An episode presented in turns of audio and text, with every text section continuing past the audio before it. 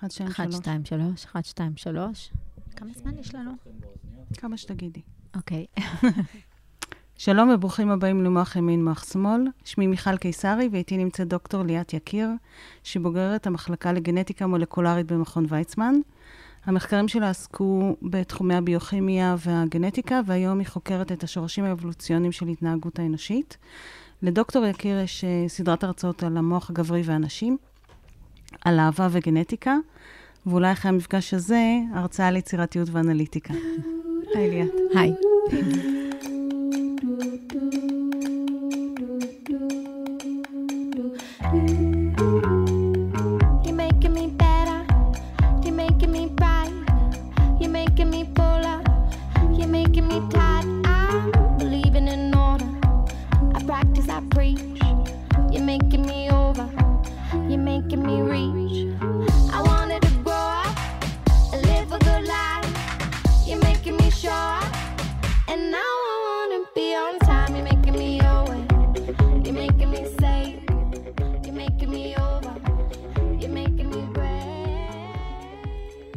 אז uh, לפני שאנחנו מתחילות, uh, צריכה לספר לי קצת על האיבר הזה, שהוא 2% ממשקל הגוף שלנו, אבל צורך uh, 20% מהאנרגיה, ומה בעינייך הכי מפתיע בו? כן, המוח שלנו, אז באמת, אה, אה, רק עכשיו אני חושבת שככה אנחנו באמת מתחילים, רק מתחילים לנסות להבין מה קורה שם, שזו שאלה פילוסופית, האם מוח האדם בכלל יצליח אי פעם להבין את עצמו.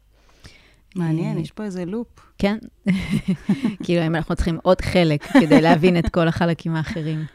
אה, אז אה, זה באמת מרתק, ועד עכשיו זה היה קופסה שחורה מבחינתנו, אז זה רק טכנולוגיות, פריצות דרך טכנולוגיות של ה-20 שנה האחרונות בערך, רק באמת מאפשרות לנו קצת יותר להסתכל פנימה, מדהים. ואז מגלים דברים מדהימים. אז באמת זה קילו וחצי בסך הכל של אה, 90 מיליארד נוירונים בערך, את הצו, שקשורים בטריליוני קשרים, ומייצרים אה, הרבה מאוד אלגוריתמים שמהווים בעצם את מי שאנחנו, את המחשב הענק הזה. באלגוריתמים אנחנו מבינים. כן, זה כן, אני חושבת שבמידה מאוד רבה גם המוח עובד ככה, כן. אה, ואנחנו במ- במובנים מאוד גדולים אה, עובדים על פי התניות. אה, אבל המוח הוא לא מקשה אחת, נכון? הוא לא, אפילו לא שתיים, כמו ששם של כן. הסדרה מז- מרמז על ימין ושמאל, זה לא באמת כל אה, כך פשוט. לא, ממש לא. אה, כן, באמת המוח הוא לא איבר אחד, הוא בעצם אוסף של מבנים, ככה צריך להתייחס אליו, ככה צריך להסתכל עליו, אוסף של מבנים שמתפתחים במהלך 500 מיליון שנה של אבולוציה של מערכת עצבים, מהתולעים ועד אלינו, ואנחנו רואים את זה שכבה על שכבה. אה, יש לי מוח של מבנה תולעת נוסף, בראש? כן, בוודאי. כן, בסך הכל ה- ה basics, האלגוריתמים הבסיסיים והכימיקלים הבסיסיים גם, שמייצרים את ההתניות האלה ואת הרגשות, אנחנו קוראים לזה. זאת אומרת, אה, גם לתולעת יש רגש, בדיוק אותם כימיקלים. אה, מה שמשתנה במהלך האבולוציה זה פשוט אה, עוד נוירונים, עוד ועוד ועוד ועוד נוירונים, ככה שאנחנו, הדולפינים, הפילים ככה בקצה אנחנו כמובן במקום הראשון מבחינת אה, כמות הנוירונים, אבל מבחינת המבנה הבסיסי, העקרונות הבסיסיים, הכימיקלים הבסיסיים, אה, זה, בגלל זה זה מאפשר לנו באמת ללמוד מערכות עצבים פשוטות יותר, מהמם. כדי להבין תהליכים. אה, למשל, כלומר- סקס בזבובים. זאת אומרת, זה משהו שלגמרי חוקרים אותו.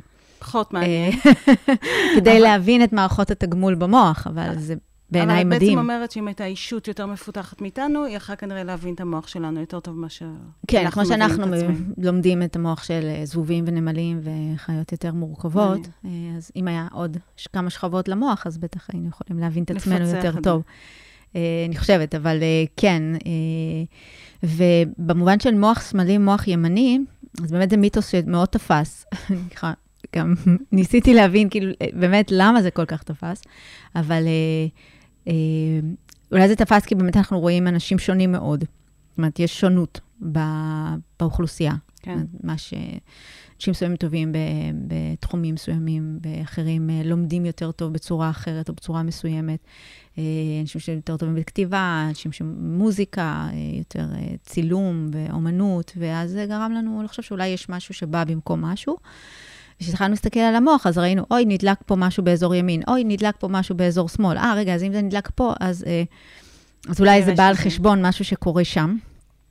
אה, זה התחיל באמת מבאמת, אה, כמו שכל מדעי המוח התחילו בעצם מלבחון מה קורה כשאזורים מסוימים אה, לא עובדים, זאת אומרת, מחלות או, או פגיעות מוחיות. ככה התחילו מדעי המוח. זאת אומרת, אוי, אם המערכת הלימבית מרוסקת על ידי מוט שנכנס למישהו בראש, ככה היה בעצם איזה בן אדם שעבר תאונה מאוד קשה, הוא עדיין חי והוא עדיין עושה תרגילים. מה הוא לא יכול מה הוא לא יכול, בדיוק. אז הוא לא מרגיש, והוא לא מגיב, ו- ואז התחלנו באמת להבין, אה, ah, זה האזור שאחראי לזה. אה, ואם אני מגרה כאן את הקוף, אה, פותחים לו את הראש ו- ו- ומנסים לגרות לו כל מיני אזורים עם אה, זרם חשמלי, הוא מזיז את היד, אוי, הוא מדבר, אוי, הוא אומר את זה. אז זה האזורים שאחראים. אז מיפינו את המוח. בדיוק, מיפינו את המוח, ובאמת אנשים שבאמת, האונה השמאלית, אה, נפגעה, זאת אומרת, ההמיספירה השמאלית אה, הייתה באיזושהי צורה קצת יותר פגועה, אז הבן אדם, נגיד, יכל לראות דברים, זאת אומרת, הוא הבין מה הוא רואה, אבל הוא לא יכל לשיים את זה, הוא לא יכל להגיד, זה כיסא. Okay. אוקיי. הוא הבין שזה כיסא, אבל לא, לא היה לו קשה אה, להגיד את השם. זאת אומרת, אז הבנו שזה אזורים של שפה. זאת אומרת, יש באזור שמאל, ב, ב, במוח שמאל, אזורים של שפה. אה, אבל זהו, מעבר לזה, המוח מתפקד, אה, כל האזורים פועלים ביחד, כל הזמן. Okay. אוקיי. אה, ואין דבר כזה באמת ימין ושמאל. אה, ובאמת, אזורים שונים במוח שותפים כמעט בכל משימה שאנחנו מבצעים, או כל מטלה שאנחנו מבצעים. ואזור מסוים, אם הוא פעיל יותר, זה לא בא על חשבון אזור אחר, חוץ מתסמונות או מחלות. אנחנו נולדים חצי אפויים, המוח נולד חצי אפוי. אה, ובעצם משלים את ההתפתחות שלו מחוץ לגוף, בגלל שנעמדנו על שניים, mm-hmm. עם מוח כזה גדול. מחוץ אז, לרחם של מחוץ, האימא, את מתכוונת? כן, מחוץ okay. אוקיי. לרחם של האימא, הוא ממשיך להתפתח, כי ברגע שנעמדנו על שניים, שילמנו על זה מחיר, כן. שהגודל של הראש לא יכול לעבור את הגודל של צוואר הרחם, הגן. כן. אז ו... אנחנו נולדים הרבה לפני ש... פיל נולד כבר ויכול ללכת. בדיוק, אז אנחנו, אנחנו לא. לא. אז מעבר לללכת, יש עוד באמת הרבה מאוד דברים שאנחנו לא יכולים לעשות, או שצריכים ל... אה, לכוון את המוח, או, או, או לייצר את, ה, את הסינפסות האלה מחוץ לגוף. Mm-hmm. ואז הקישוריות הזאת בין נוירונים אה, מתפתחת לפי הגירויים שאנחנו מקבלים. זאת אומרת, אה, שאם אני אה, מיד אצא מהרחם ולא אראה, לא, לא אהיה חשופה לשום גירוי ויזואלי, אז בעצם לא יתפתחו, לא יתפתחו הסינפסות שמעבירות את המידע לקורטקס הראייתי, ואני אהיה עיוורת, כי פשוט לא נחשפתי לגירוי לא ש... לא בגלל שהעיניים לא יכולות לראות, כי אני לא יודעה להבין את מה שאני רואה. בדיוק. ובעצם כל זה נלמד דרך הגירויים שאנחנו מקבלים. Okay. אוקיי. ככל שאנחנו מקבלים גירוי מסוים יותר, זאת אומרת, אם אני אראה הרבה מאוד תמונות, הרבה מאוד ויזואליה, הרבה מאוד צבעים, הרבה מאוד צורות, אה, אז האזורים האלה יתחזקו יותר ויותר. זאת אומרת, הכלל הלמידה של המוח אומר שנוירונים יורים יחד, הם מתחברים יחד. 99% מהפעילות של המוח נעשית בצורה לא מודעת, mm. לא בצורה מודעת. אחוז אחד זה מה שמודע. שאר הדברים קורים בלא מודע, וגם בלילה קורים הרבה מאוד דברים במוח. אז הוא מתחיל לכבט את המסלול הזה, כי את משתמשת בו. אז מבחינת המוח זה משהו שדרוש להישרדות שלך. אז את לומדת, בעצם ללמוד, זה אומר שנוירונים יתחברו. ככל שעשיתי את זה יותר ושלפתי את זה יותר, אז מחר אני אבצע את הפעולה הזאת עוד פעם, ואני אבצע עוד פעם. אז מבחינת המוח זה אומר, שווה, האלגוריתם אומר שזה אה, חשוב להישרדות שלי. אז ה, אה, המשימה הזאת, אה, הגירוי הזה בעצם יפיק אה, מסלול נוירונלי שהוא בעצם מסלול הלמידה. Okay. אוקיי. ברגע שאני אפסיק לעשות את זה, וברגע שאת הגירוי הזה אה, אני אפסיק לקבל, או אפסיק להשתמש במידע הזה שלמדתי, בתהליך הזה שלמדתי, אז נוירונים שלא יורים יחד, אה, נפרדים, כדי לאפשר אה, הצמדויות חדשות. חדשים. בדיוק. זה שכחה. זה גיל חדשה במוח. אז זה שכחה, ושכחה לא פחות חשובה מלמידה. Hmm. לוותר על דברים שאין כבר. צורך בהם. זאת אומרת, נגזרות במתמטיקה, אני כבר לא עשיתי הרבה מאוד זמן. זה נשכח, זהו, זה, וזה בסדר, זה טוב מאוד. כן. מה גורם למסלולים להיות חזקים יותר או פחות חזקים, זה כבר תלוי גם באיך אנחנו משתמשים בהם, מה אנחנו עושים איתם. אז זהו, כי נשמע כאילו אה, הכל, הכל נרכש. אין מרכיב גנטי? יש מרכיב גנטי, כמובן שיש מרכיב גנטי, כמו בהרבה מאוד אה, דברים אה, שקורים אה, במוח, אבל ההערכות הן שחמישה אחוז גנטיקה משחקת תפקיד ב... רק? רק חמישה אחוז מהגנטיקה. וואו. טוב, תלוי במה, זאת אומרת, נגיד בתסמונות, או נגיד למשל נטייה ל-OCD, נטייה לדיכאון, או איזשהו תסמון, באמת ספקטרום רגשי מסוים, אוטיזם אפילו. ברע. כן, זאת אומרת, זה מה שאנחנו יותר לומדים בגנטיקה, אנחנו לומדים גנטיקה של מחלות בעיקר. זאת אומרת, זה מה ש... זה האינסנטיב בא משם, ללמוד את הגנטיקה של כשלים מסוימים. אה, אז אה, ההבנה היא שהרבה מאוד, אה, בעצם כשאנחנו מדברים על, על עיצוב של המוח, mm-hmm. בשנים הראשונות האלה לחיים, והגמישות, הפלסטיות האדירה שיש לו, בשנים הראשונות גורמת לכך שהאחוז מאוד גבוה הוא בעצם הסביבה. אינטליגנציה זה משהו טיפה אחר, זאת אומרת, במחקרים על תאומים זהים, רואים שמבחינת אינטליגנציה, אה, יש מרכיב גנטי גם יותר חזק, זאת אומרת, אנחנו כבר יודעים אה, בערך 25 אה, גנים שקשורים באינטליגנציה. אז זה 50-50 נגיד. מה אבל, זה אינטליגנציה בעצם? Uh, טוב, כרגע בצורה שאנחנו בוחנים אותה, זאת אומרת, זה המהירות שבה האדם uh, לומד תופס דברים, לומד דברים, uh, מסוגל לבצע מטלות okay. אוקיי. פשוטות באופן יחסי, המהירות שבה, היכולת שלו לראות כמה צעדים קדימה, למשל. אינטליגנציה גבוהה יכולה להיות גם לבן אדם שפותר משוואות עם נורא מורכבות במתמטיקה, וגם לבן אדם שמצייר מאוד יפה? כן, טוב, כיום האינטליגנציה שבוחנים היא באמת לוגיקה, מהירות תפיסה, זאת אומרת, פחות בוחנים אינטליגנציה מוזיקלית, או, mm. או במבחני אינטליגנציה, אנחנו מדברים על אותם תאומים זהים שעשו להם מבחני אינטליגנציה ובדקו כמה הסביבה השפיעה וכמה הגנים שלהם השפיעו. אז מדברים בדרך כלל על יכולת לפתור מבוכים ותשבצים וכל מיני uh, משימות... Uh, שאלות היגיון מורכבות. כן, כאילו לבדוק את המהירות תפיסה של המוח, uh, ללמד דברים, לראות זיכרון למשל, מבחני זיכרון. אז לפי מה שאת אומרת, יכול להיוולד לי מחר ילד, כשלי אין שום כישרון בציור, ואני מהיום הראשון אשים לו קריון ביד, ואחשוף אותו לכל המאסטרים הגדולים, והוא יגדל להיות צייר. זה, זה, זה דברים שקורים. אה, בעצם ממחקרים שמסתכלים על אנשים, באמת רואים שילדים הרבה פעמים בוחרים בגירויים שנחשפו אליהם. זאת אומרת, אה, הורה צייר, אימא רופאה. אה, אבא מוזיקאי וכהנה, הם שמעו את זה בבית, הם, זה מקושר לדופמין, אה, לאוקסיטוצין, לחומרים שמהם עשויה אהבה. זאת אומרת, אה, אבא ניגן לי, או אימא ניגנה לי, אימא לקחה אותי למוזיאון טבע לראות חיות. זה יצר לי קישור לעולם הזה.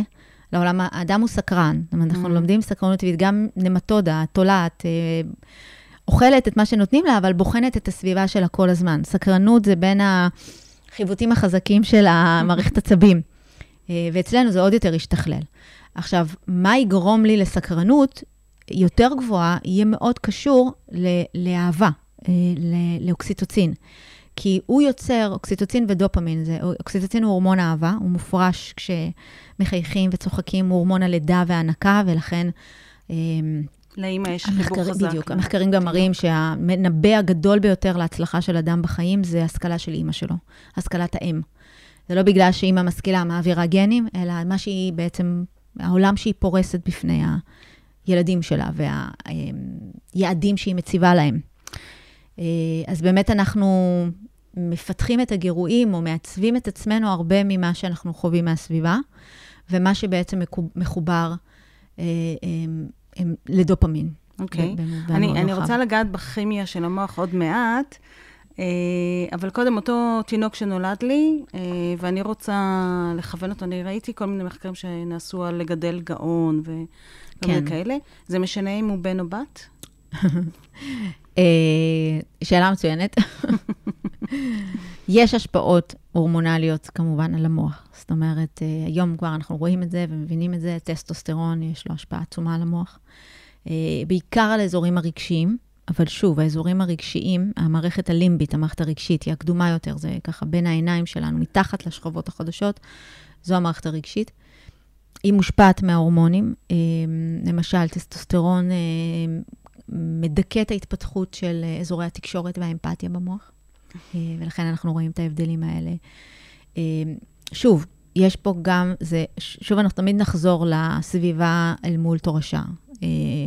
האם בגלל שטסטוסטרון מעכב או מאט את ההתפתחות של אזורי התקשורת, האם בחור שיגדל בסביבה שהיא מאוד מאוד מאפשרת ומלמדת אמפתיה ומחנכת לאמפתיה ומבקשת ממנו להראות רגשות ולבכות, ושם הוא מקבל את ההתניה החיובית, דרך זה שהוא לא אומרים לו, אל תבכה, תהיה גבר, אלא אומרים לו, בוא, אנחנו אוהבים אותך, רוצים אותך. האם גבר כזה עם אותה רמת טסטוסטרון, למרות ש... אם יגידו לו את זה הרבה, הוא ירד טיפה טסטוסטרון. באמת? באופן הוא, טבעי? כן, כי הוא... דרך אגב, אני רושמת מה שאת אומרת, כי יש לי שלושה בנים. תחזרי עוד פעם.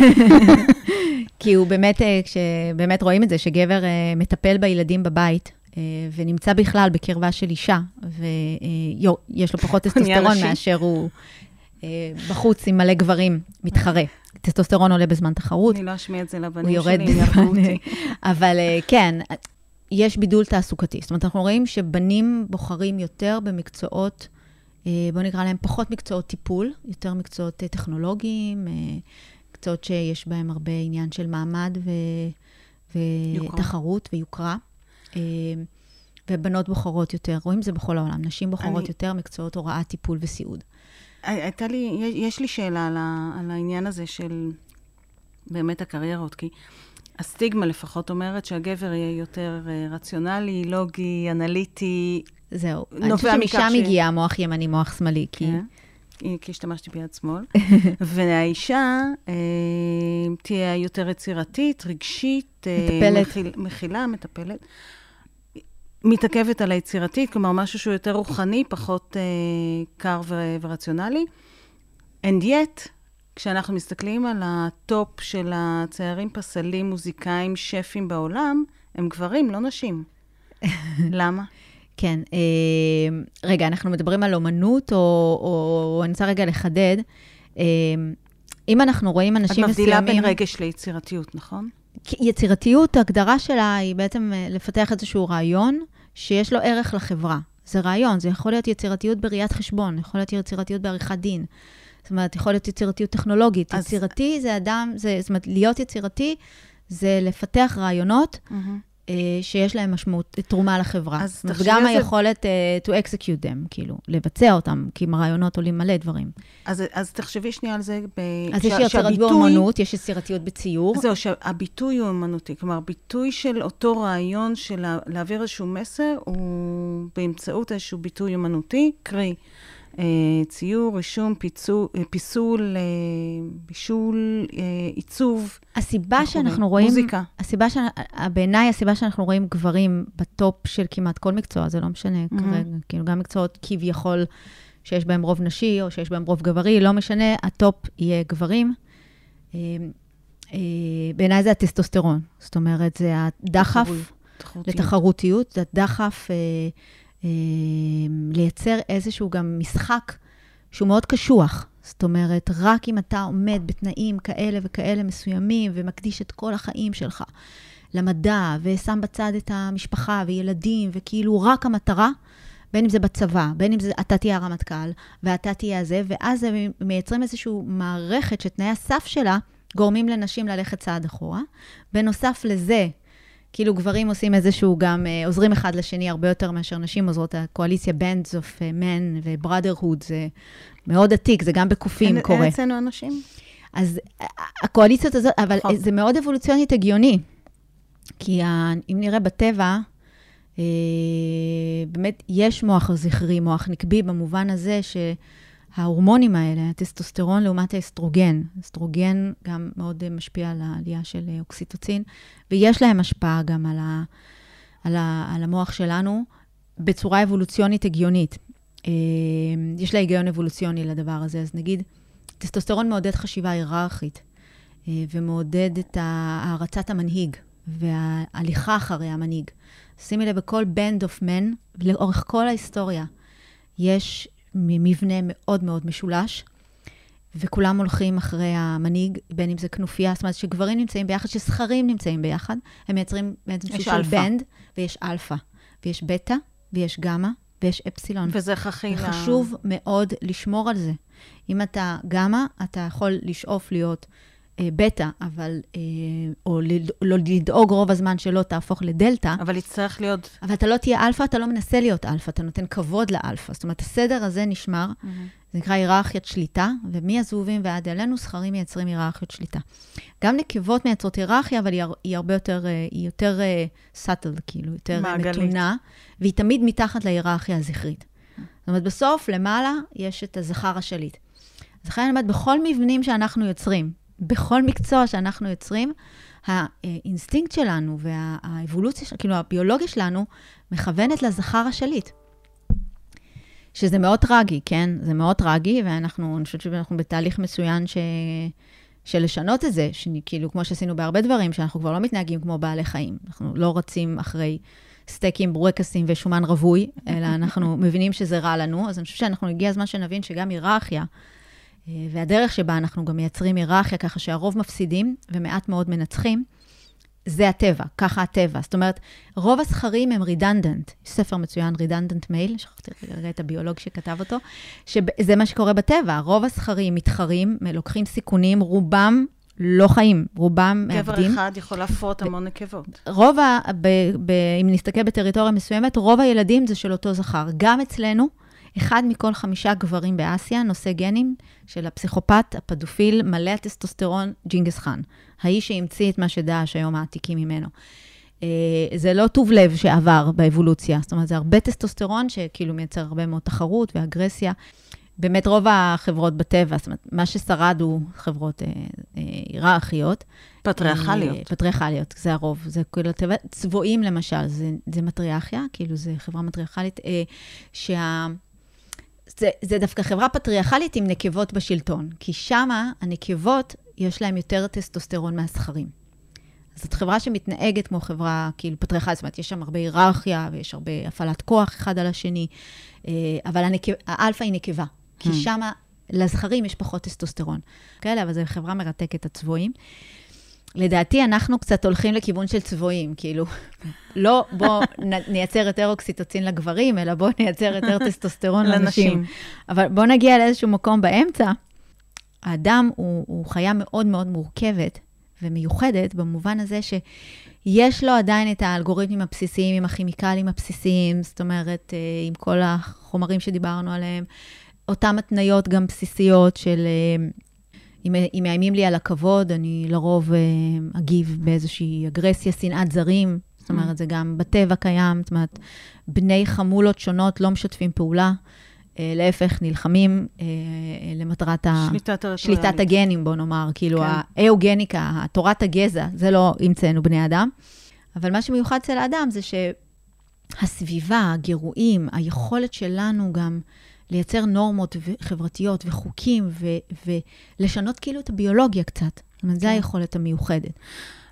אז אני אומרת שאני חושבת שהלקח החשוב בעיניי של הלמידה, של המוח הלומד, זאת אומרת, של מה, מה הופך אותנו ליצירתיים, למוכשרים, לגירויים לגבי מוח נשי, מוח גברי, אז יש את הביולוגיה הבסיסית, אה, ויש גם גנטיקה, זאת אומרת, יש דברים שעוברים מדור לדור, רואים את זה במשפחות מסוימות, אבל ה- באמת הייחודיות הזאת של המוח שמתפתח מחוץ לגוף בשנים הראשונות לחיים, והוא כמו ספוג במובן הזה, שהוא כאילו, יש פה את כל הפוטנציאל, כמו בתורת הקוונטים כזה, יש את כל ההסתברויות להיות הכל, ואז מה שאת כאימא, או, או כהורים, או כסביבה, או כבית ספר, כחברה, כ... מה שאנחנו, את המסלולים שאנחנו מכוותים ומפעילים וחוזרים עליהם עם, עם העובר הקטן הזה שנולד, זה בעצם נשאר, וזה נקרא גיזום, זה כאילו המוח עובר גיזום הנוירונים. זאת אומרת, מה, ש, מה שמשתמשים בו מתחזק ומתחבר, ומה שלא משתמשים בו נשכח, כאילו. זאת אומרת, אה, הנוירונים האלה לא מתחברים אף פעם. אוקיי. ואז את יכולה לקחת ילד, בעיקרון, אה, ובאמת אה, לתת לו עולמות שלמים, לחבר אותם גם ל... אפשר ללמד מצייתנות ואפשר ללמד מ- מאהבה. אה, שבשתי המקרים מקבלים על למידה. Mm. אה, אבל למידה שמחוברת כמובן לאהבה, להערכה, לחיזוק, היא כמובן תישאר עם הבן אדם. ו... ומתי החלון הזדמנות הזה נסגר? כאילו, הילדים שלי... עד גיל ש- שבע, מערכות שלנו, גם הרגשיות Mm. וגם אה, פחות או יותר אפילו הכיוונים שאולי נבחר בחיים, יהיו בוודאי, אבל אנחנו די מעצבים את, ה, את מי שאנחנו. שבע זה במובנים done deal? מסוימים, זה, זה, המערכות מאוד מתעצבות בגיל ש... כמובן, יכולים לקרות הרבה דברים אחר כך, אבל אה, המערכות הרגשיות שלנו, ככה זה מה שמבינים היום. אה, אה, המוח בעצם משלים את ההתפתחות שלו אה, עד גיל שבע, ואז אנחנו בעצם מתחילים בערך מגיל עשר, אנחנו בני אדם, את גיל ההתבגרות, שבו הוא בעיקר עובר אה, חירוב טוטאלי. זה לא הזמן לחשוב על קריירה, בעצם זה כל המערכות ההורמונליות מתחילות אה, לווסת את עצמן, והעונה המצחית גדלה.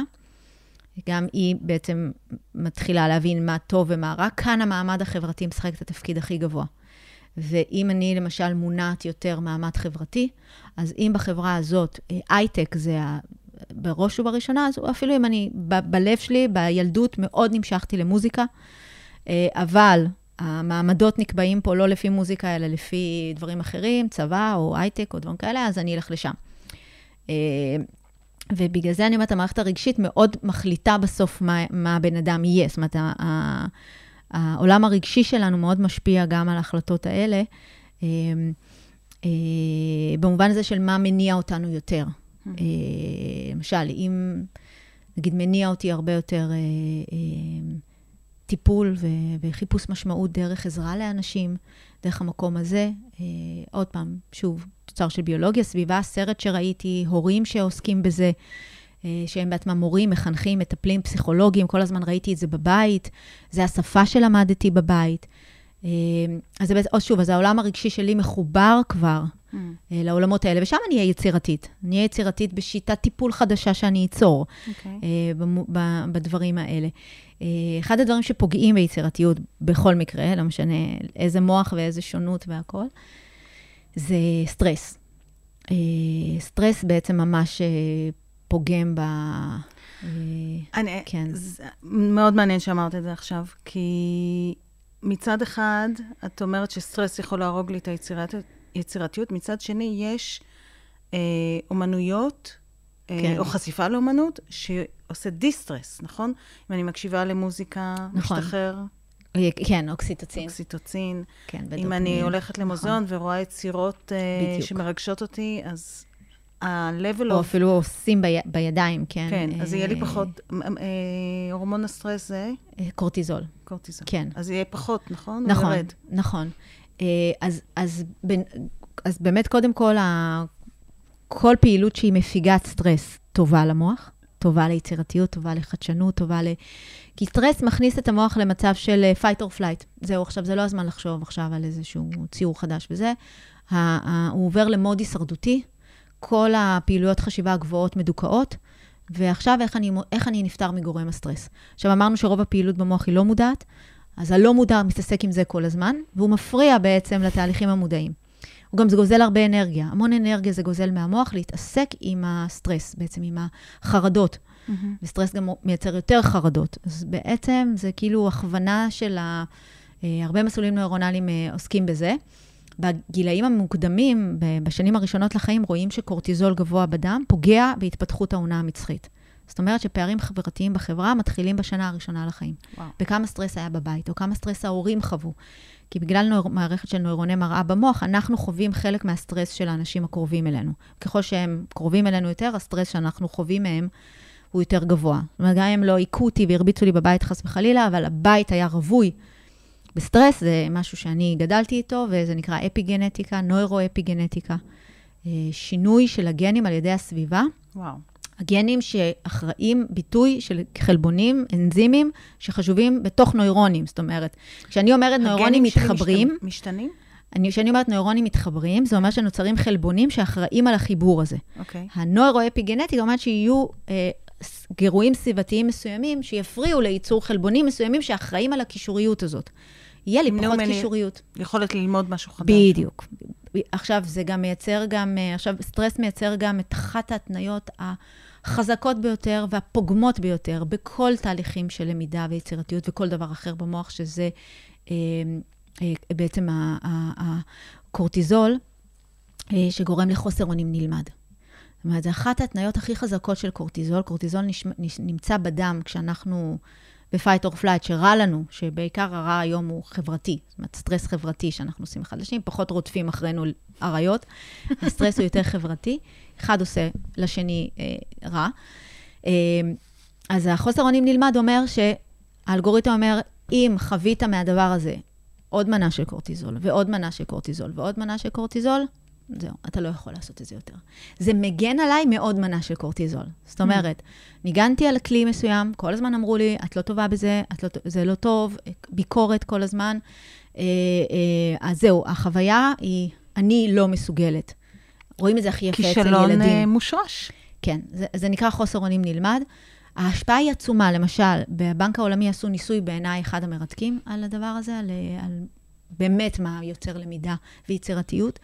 לקחו uh, בהודו את uh, בני הקסטה הנמוכה, כאילו טמאים, ה-untouchable והברמנים, ילדים, בני שש. Uh, ב setting הראשון הלכו לכפר של ה-untouchable והביאו ילדים ברמנים, אבל הלבישו את כל הילדים מבעוד מועד באותם בגדים. לא יודעים מי לא הברמנים, יודעים. מי ה-touchable.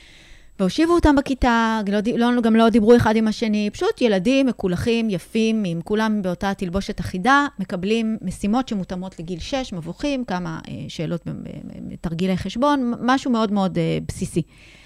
כולם הצליחו באותה מידה, 100% הצלחה אצל כל הילדים מכל השכבות. בפעם השנייה שעשו את הניסוי, כעבור כמה חודשים, הפעם כל ילד לבוש בבגדים של הקסטה, ומבקשים מכל ילד להגיע לקדמת הכיתה ולהגיד לכיתה באיזה נו. קסטה הוא ומה ההורים שלו עובדים, מה אבא שלו בעיקר עובד ב... ואז הילדים מהקסטה הנמוכה מצליחים 25% פחות. וואו. אין פה שום בעיה במוח שלהם, אין פה שום בעיה קוגניטיבית, אה, ליקוי למידה, בלה בלה בלה, כלום.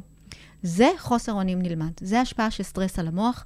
אני עכשיו קיבלתי על עצמי את החוסר אונים שמתאים לקסטה שלי, אל מול הקסטה האחרת. זאת אומרת, תמיד זה חייב להיות ביחס למישהו אחר. יותר אזורים במוח, יותר רשתות, זה מחזק רשתות אחרות. זאת אומרת, הוא באמת כמו שריר, ולכן כשאנחנו מפעילים אזורים שונים, אנחנו, אה, בגלל, כמו שאמרנו בהתחלה, אין שמאלי, אין ימני, אין קדמי, אין אחורי, הכל עובד ביחד. Mm-hmm. אז ככל שאנחנו מ- מ- מפעילים יותר אזורים במוח, ככה כושר היכולת הלמידה וההתפתחות והיכולת השיח, בעצם הקוגניטיבית שלנו עולה.